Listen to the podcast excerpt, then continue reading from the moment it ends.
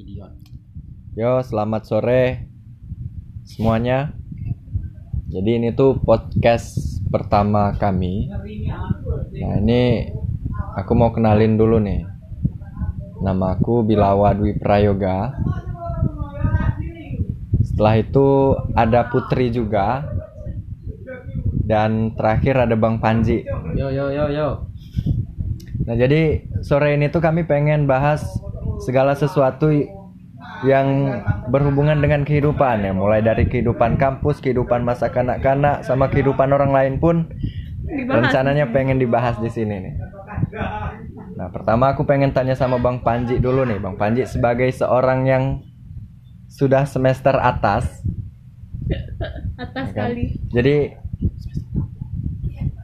Bang Panji udah semester berapa, Bang? Silakan ngaku sendirilah.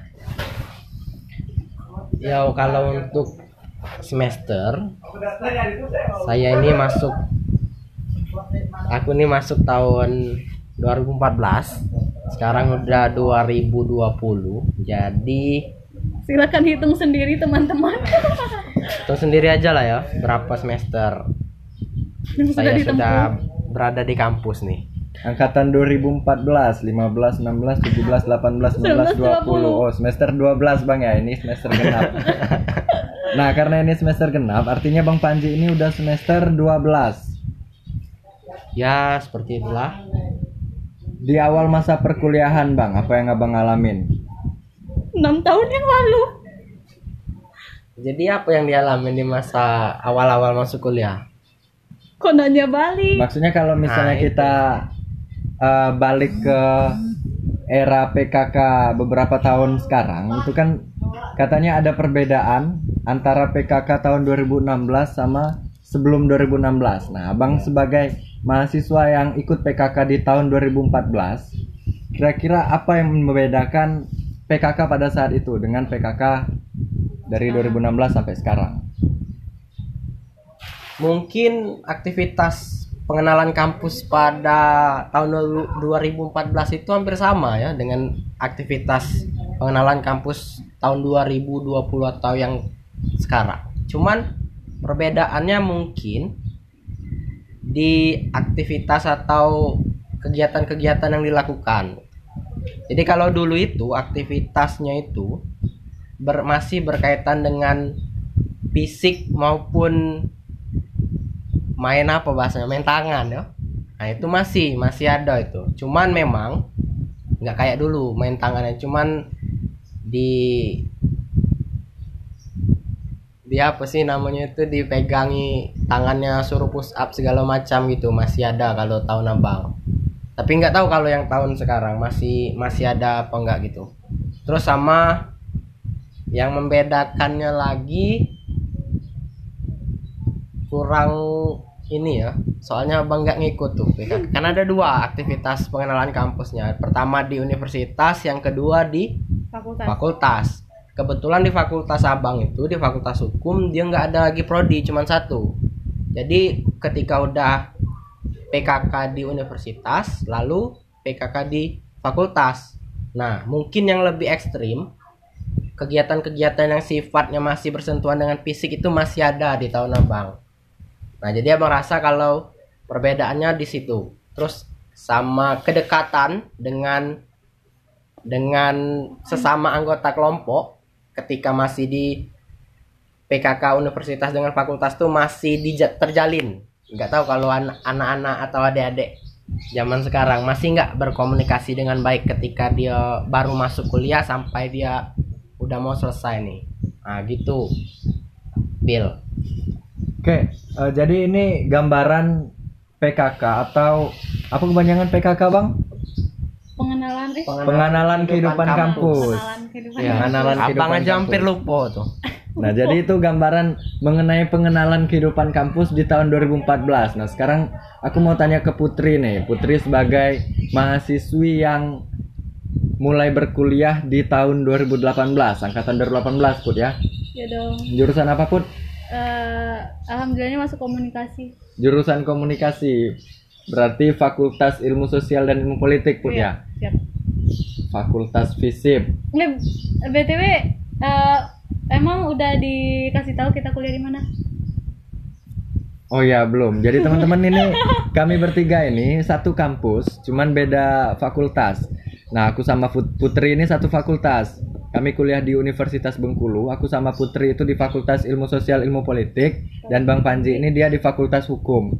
Oke balik lagi ke Putri.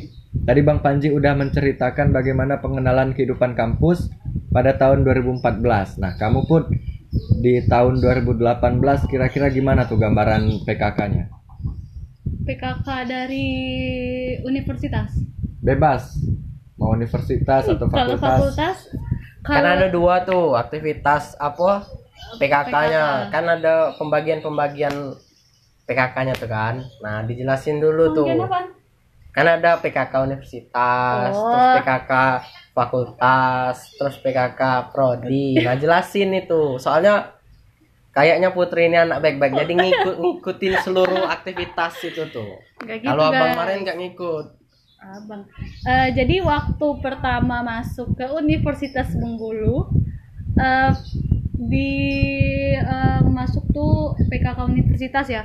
nah PKK apa aja universitas tuh sih nggak kayak Bang Panji tadi. Kalau Kak Panji kan eh, masih pakai main tangan, eh main tangan, masih pakai keras Bukan. kekerasan fisik lah ya. Sentuhan fisiknya Ya, masih sentuhan ada fisik tapi masih ada walaupun push up push up dan Ya. lain sebagainya Eh, tapi di 2018 kayaknya nggak ada lagi kemarin Eh, malahan eh, kalau aku pribadi sih kalau menurut aku pribadi eh, PKK-nya terkesan monoton jadi nggak ada nggak ada yang wow disuruh berangkat pagi pulang sore terus berarti kegiatannya. panitianya nggak kreatif. Ups. Eh, j- eh, jadi cuma kesarian tuh cuma duduk dengerin terus yel yel yel yel terus dengerin lagi yel yel lagi dengerin lagi sampai tiga hari mungkin kemarin tuh. Jadi eh, nggak ada sti- satisfying. Apa itu? wow. Oh. Satisfying. Sorry guys nggak jelas. Jadi kalau di fakultas ya? Eh, kita kembali eh, lanjut ke fakultas. Kalau di fakultas tuh eh, kalau mau dibilang ini sejarah pertemuan sama Bilawa. Oh gitu. Jadi Gimana tuh? kebetulan si Bilawa ini eh, salah satu tutor. Tutor waktu di gugus aku gugus Soekarno ya bang? Ya gugus Soekarno. Dia sama Kak Venza eh, jadi tutor aku nah itu Venza siapa tuh Venza itu sekarang ya tutor aku eh, duet jadi sama jelasin kamu. dulu tutor tuh apa maksudnya tutor itu pendamping gugus ya pendamping Pendamping kelompok ya gitu. pendamping kelompok untuk eh, fakultas oh untuk jadi di fakultas itu kan banyak mahasiswa jadi yang tuh ngejelasin jadi dibagi ya kan Dibagi fakultas tiap kan kelompok tuh. ya Oh, gitu. gitu loh mas jadi si Bilawa ini kan PKK fakultas Iya, benar, Nah, iya, benar, benar. Lanjut, lanjut, kan? lanjut. benar-benar Jadi waktu di PKK fakultas juga sama sih, nggak ada yang terlalu main fisik juga nggak ada, Eh, ya datar-datar dengerin yel-yel dengerin yel-yel ya nggak sih bang? Yoi. Gitu kan? Kan panitia? enggak enggak aku bukan panitia kemarin put kan aku pendamping Oh, ya. Eh, jadi pendamping kelompok PK menurut aku pribadi sih emang gitu-gitu aja. Nggak nggak nggak ada lagi buat yang kekerasan fisik dan lain sebagainya. Ya seru-serunya cuma seru-seru waktu itu aja. Dan buat kedekatan kelompok pun eh, aku rasa nggak terjalin sih. Nggak tahu sih kalau aku pribadi nggak terjalin. Soalnya udah selesai kelompok PKK itu udah bubar. Jadi cuma tegur-teguran di luar nggak ada kedekatan yang wah satisfying. Biasanya kan biasanya kan ini apa kalau oke lah kalau di fakultas kan biasanya itu sering itu ketemu kalau udah udah selesai PKK udah masuk apa sih bahasanya tahun ajaran baru kan udah mulai reguler kuliah.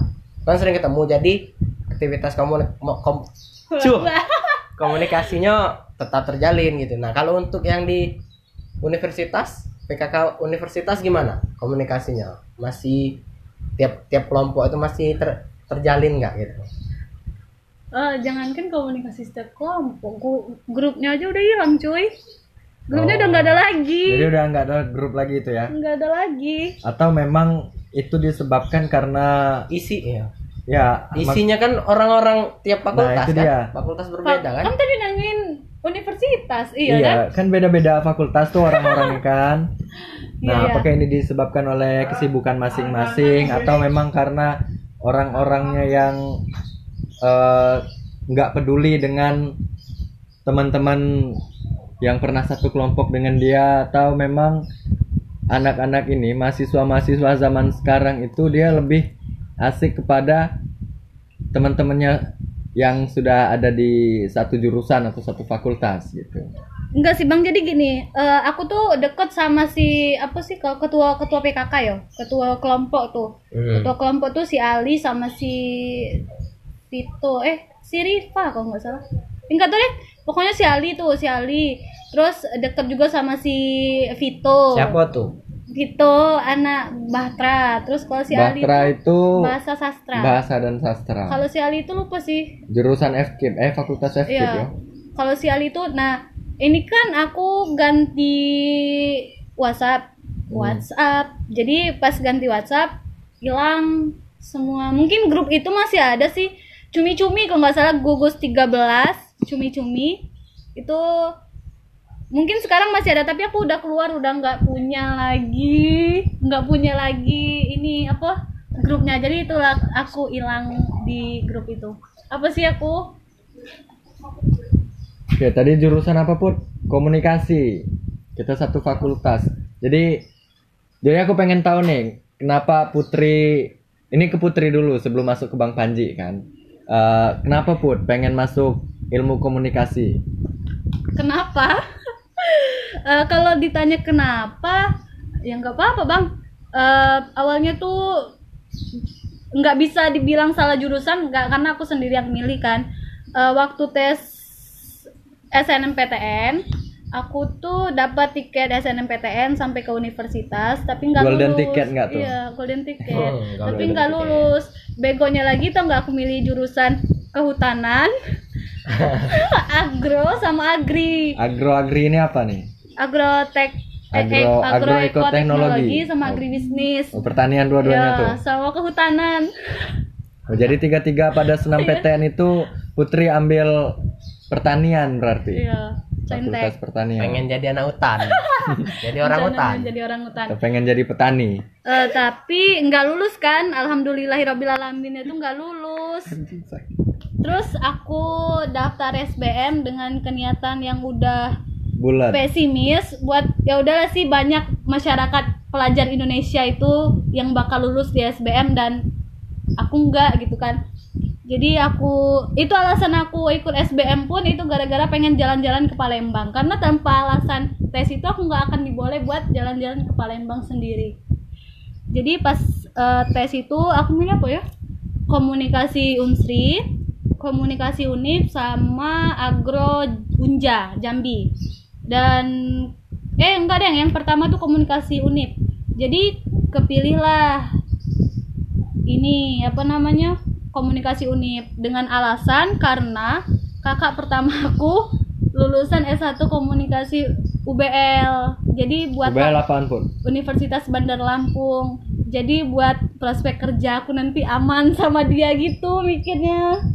Tapi eh, makin ke sini makin nggak nggak apa ya nggak lagi ke situ tujuannya bukan buat biar kerjanya apa biar kerjanya nurut sama kakak udah jadi udah punya tujuan sendiri itu sih kalau kalau salah jurusan enggak tapi udah mencintai jurusan sendiri Berarti nggak salah jurusan pun ya. Eh, enggak sih oh, udah balikin mindset yang enggak boleh kayak gitulah Eh, sekarang ke Bang Panji nih. yo Hukum Bang ya. Ya, Jadi di hukum itu gimana Bang? Kenapa Bang pertama kali milih hukum? dulu sebelum masuk ke hukum itu kan abang tes apa? Polisi. SBM le. Di hukum itu masuknya lewat jalur SBM jalur yang itu apa? Tes gitu kan? Seleksi bersama masuk perguruan tinggi Nah, negeri iya, itu. SBMPTN tuh. lupa itu tahun la- udah lama enam banget. tahun yang lalu pak. Enam tahun yang lalu. Jadi kenapa ngambil hukum itu? Pertama itu tuh sebenarnya pilihan terakhir Bil. Oh pertama Hukum pilihan terakhir. Ya, jadi Ya, yang pilihan pertama, dan itu- kedua. Yang pertama kedokteran, Wih di dokteran anjing. semuanya yang kedua itu kalau nggak salah akuntansi atau pokoknya ekonomi lah, ekonomi dan bisnis gitu kan. Yang ketiga baru hukum, tapi seluruhnya itu ngambil di yang pertama pilihan pertama dan kedua itu ngambilnya di Unsri Universitas Sriwijaya karena abang kan dari Linggau nih jadi Linggau itu anak-anak atau pelajar-pelajar di kota Lubuk Linggau itu orientasinya pasti ke Universitas Sriwijaya atau ke Jawa lah ke UGM atau ke UI kan nah Unip ini nggak masuk perhitungan. Jadi pilihan terakhir. Ternyata sesudah tes itu malah masuk di Unip karena pilihan terakhir. Nah akhirnya udah masuk di unit. Tapi tapi untuk kenapa milih hukum?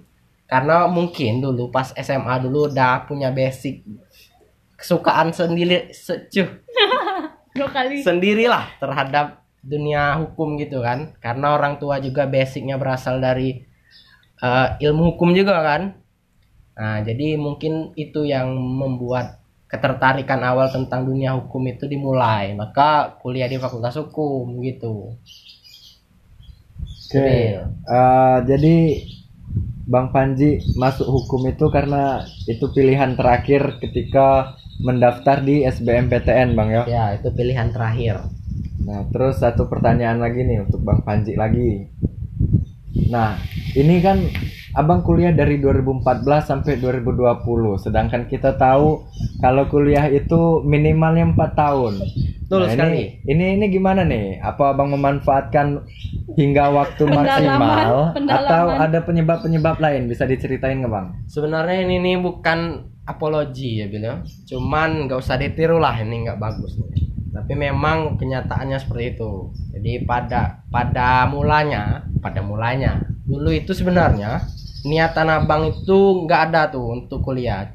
Pengen niatan abang dulu cita-citanya pengen jadi abdi negara. Kebetulan Ini dia di abdi negara. ya gitu. Yang bajunya coklat-coklat atau hijau-hijau tuh Bang? yang, Yang sering coklat. yang sering disumpah masyarakat tuh karena Coklat-coklat sering pramuka dong. polisi militer. Bukan dong. Canda-canda. Ah, Oke oke oke. Lanjut lanjut lanjut lanjut lanjut. intermezzo intermezzo. Pengen jadi polisi nih, pengen Nah, jadi iya, polisi ceritanya. cita-citanya kan pengen tamat SMA pengen langsung jadi polisi kan.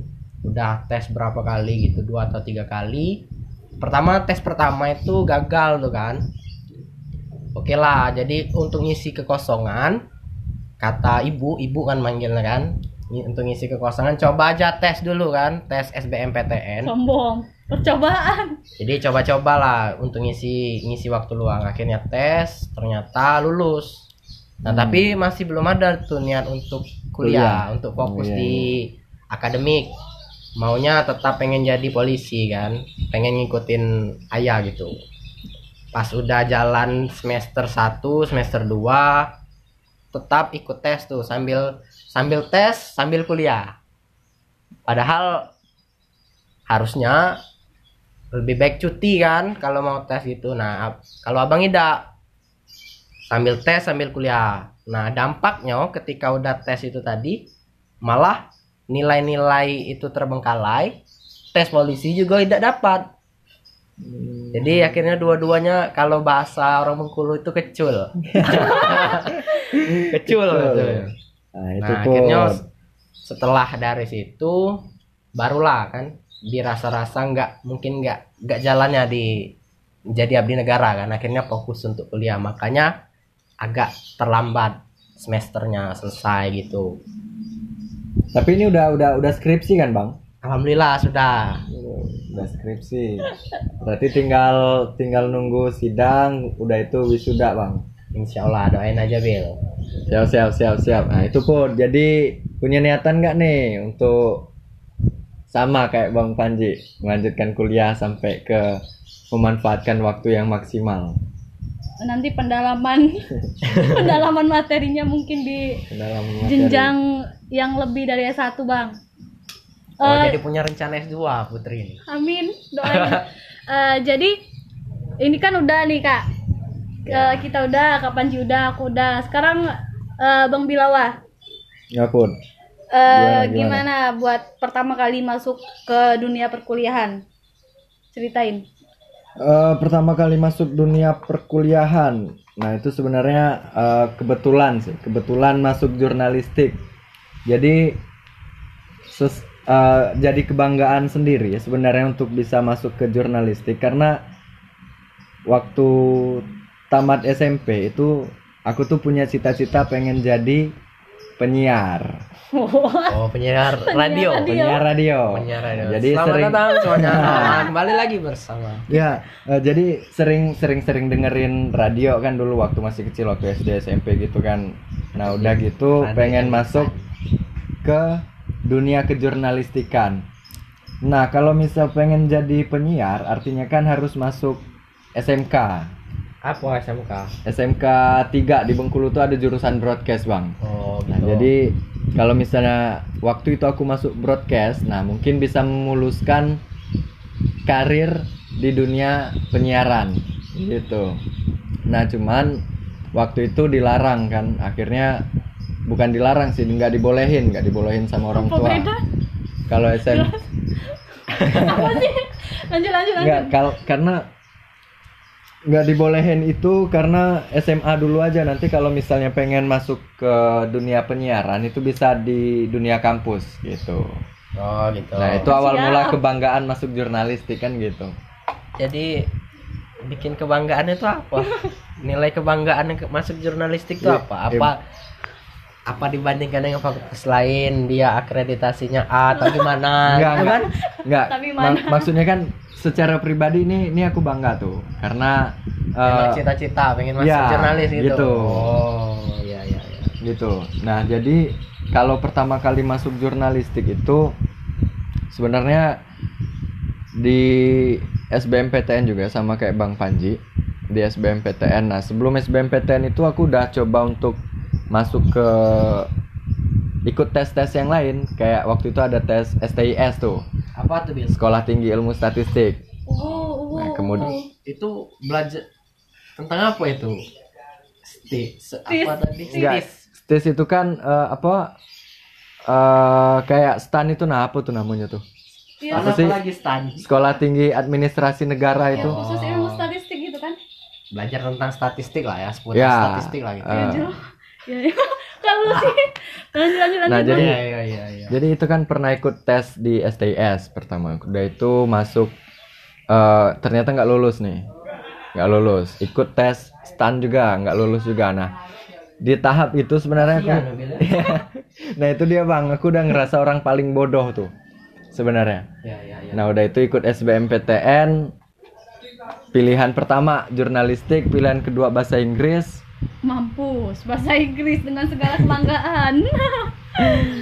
Ya, terus pilihan ketiga baru teknik informatika. Dan itu semuanya di UNIP kan. Nah, udah gitu pas pengumuman, kebetulan bulan puasa. Jadi pas pengumuman itu nama aku itu ada di dua terakhir tuh. Di dua terakhir. Bayang, bayangkan eh, betapa beruntungnya bisa masuk UNIP. Karena dari 98 orang kalau nggak salah 98 orang yang keterima itu nama aku ada di nomor 96 dua terakhir. Nah kira-kira gitu tuh. Tapi kalau misalnya bicara mengenai awal mula jurnalistik eh, masuk ke jurnalistik itu gitu. Tapi kalau untuk di kehidupan kampus sebenarnya sama aja sama yang diceritakan sama Putri kan Eh, yang Bang Panji bilang kontak fisik di apa eh, pengenalan kehidupan kampus itu udah nggak ada lagi sama aja kayak Putri ceritanya gitu Eh, ini bang tadi kan eh, abang tuh milih tiga jurusan yang berbeda di Universitas Bengkulu. Kenapa eh, masih mau netap di Bengkulu bang? Nggak keluar? Alasan kenapa pengen masih mau netap di Bengkulu ya karena pertama nggak pengen jauh dari keluarga kan? Muncul muncul. Nggak nggak beneran pun. Nggak nggak pengen jauh dari keluarga karena eh, kebetulan bapak juga dinas di luar kan? Waktu itu masih di Bengkulu Utara. Kalau sekarang kan udah di Lebong. Jadi kita kasihan sama ibu kalau ditinggal juga. Nah, itu yang pertama. Terus yang kedua karena memang eh, masih terkendala sama biaya sih. Karena untuk nyari beasiswa zaman sekarang itu sulit. Sesulit aku nyariin kamu. Ya. Jelas. Ah gitu. Kenapa nggak pengen bukan nggak pengen sih pengen sebenarnya kan. Cuman ya itu tadi. Pertama nggak jauh apa nggak mau jauh dari keluarga. Kedua memang cari beasiswa itu sulit. Gitulah oke oke oke. Terus sekarang udah sampai mana Bill udah semester berapa gitu? Eh, kalau semester aku semester 6 sekarang bang.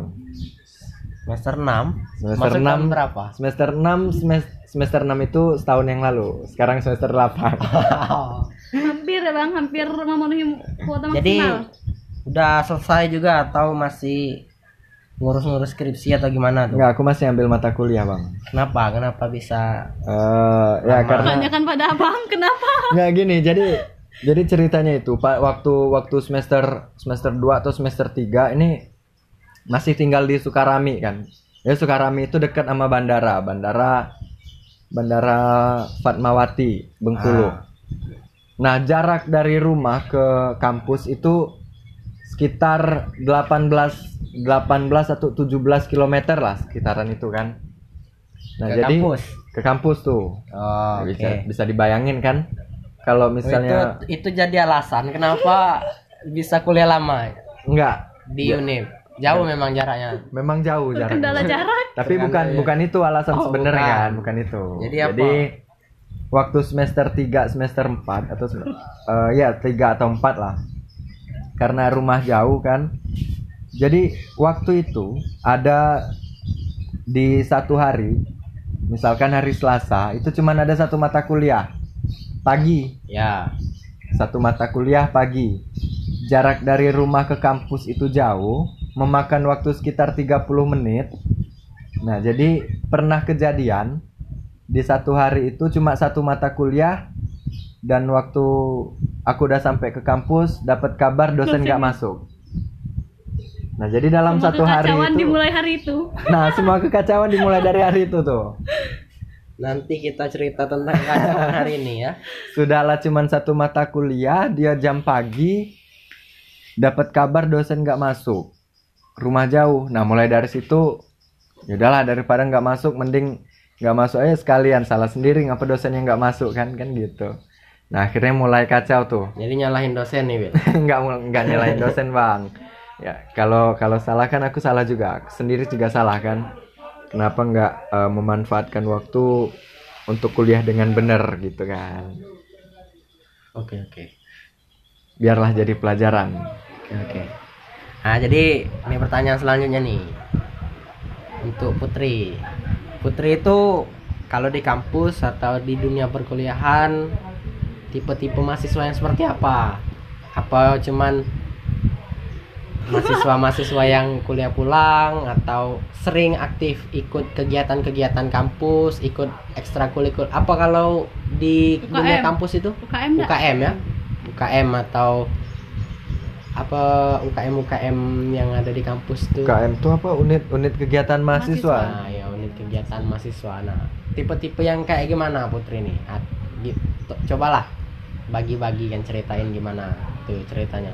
apa tidak ah Oh ya karena karena Bang Putri ini waktu ini kan aku jangan disebut ketua ketua gugus jangan nih kan. jangan jangan lah tidak ini Aku jadi pendamping Putri waktu Jangan. waktu PKK.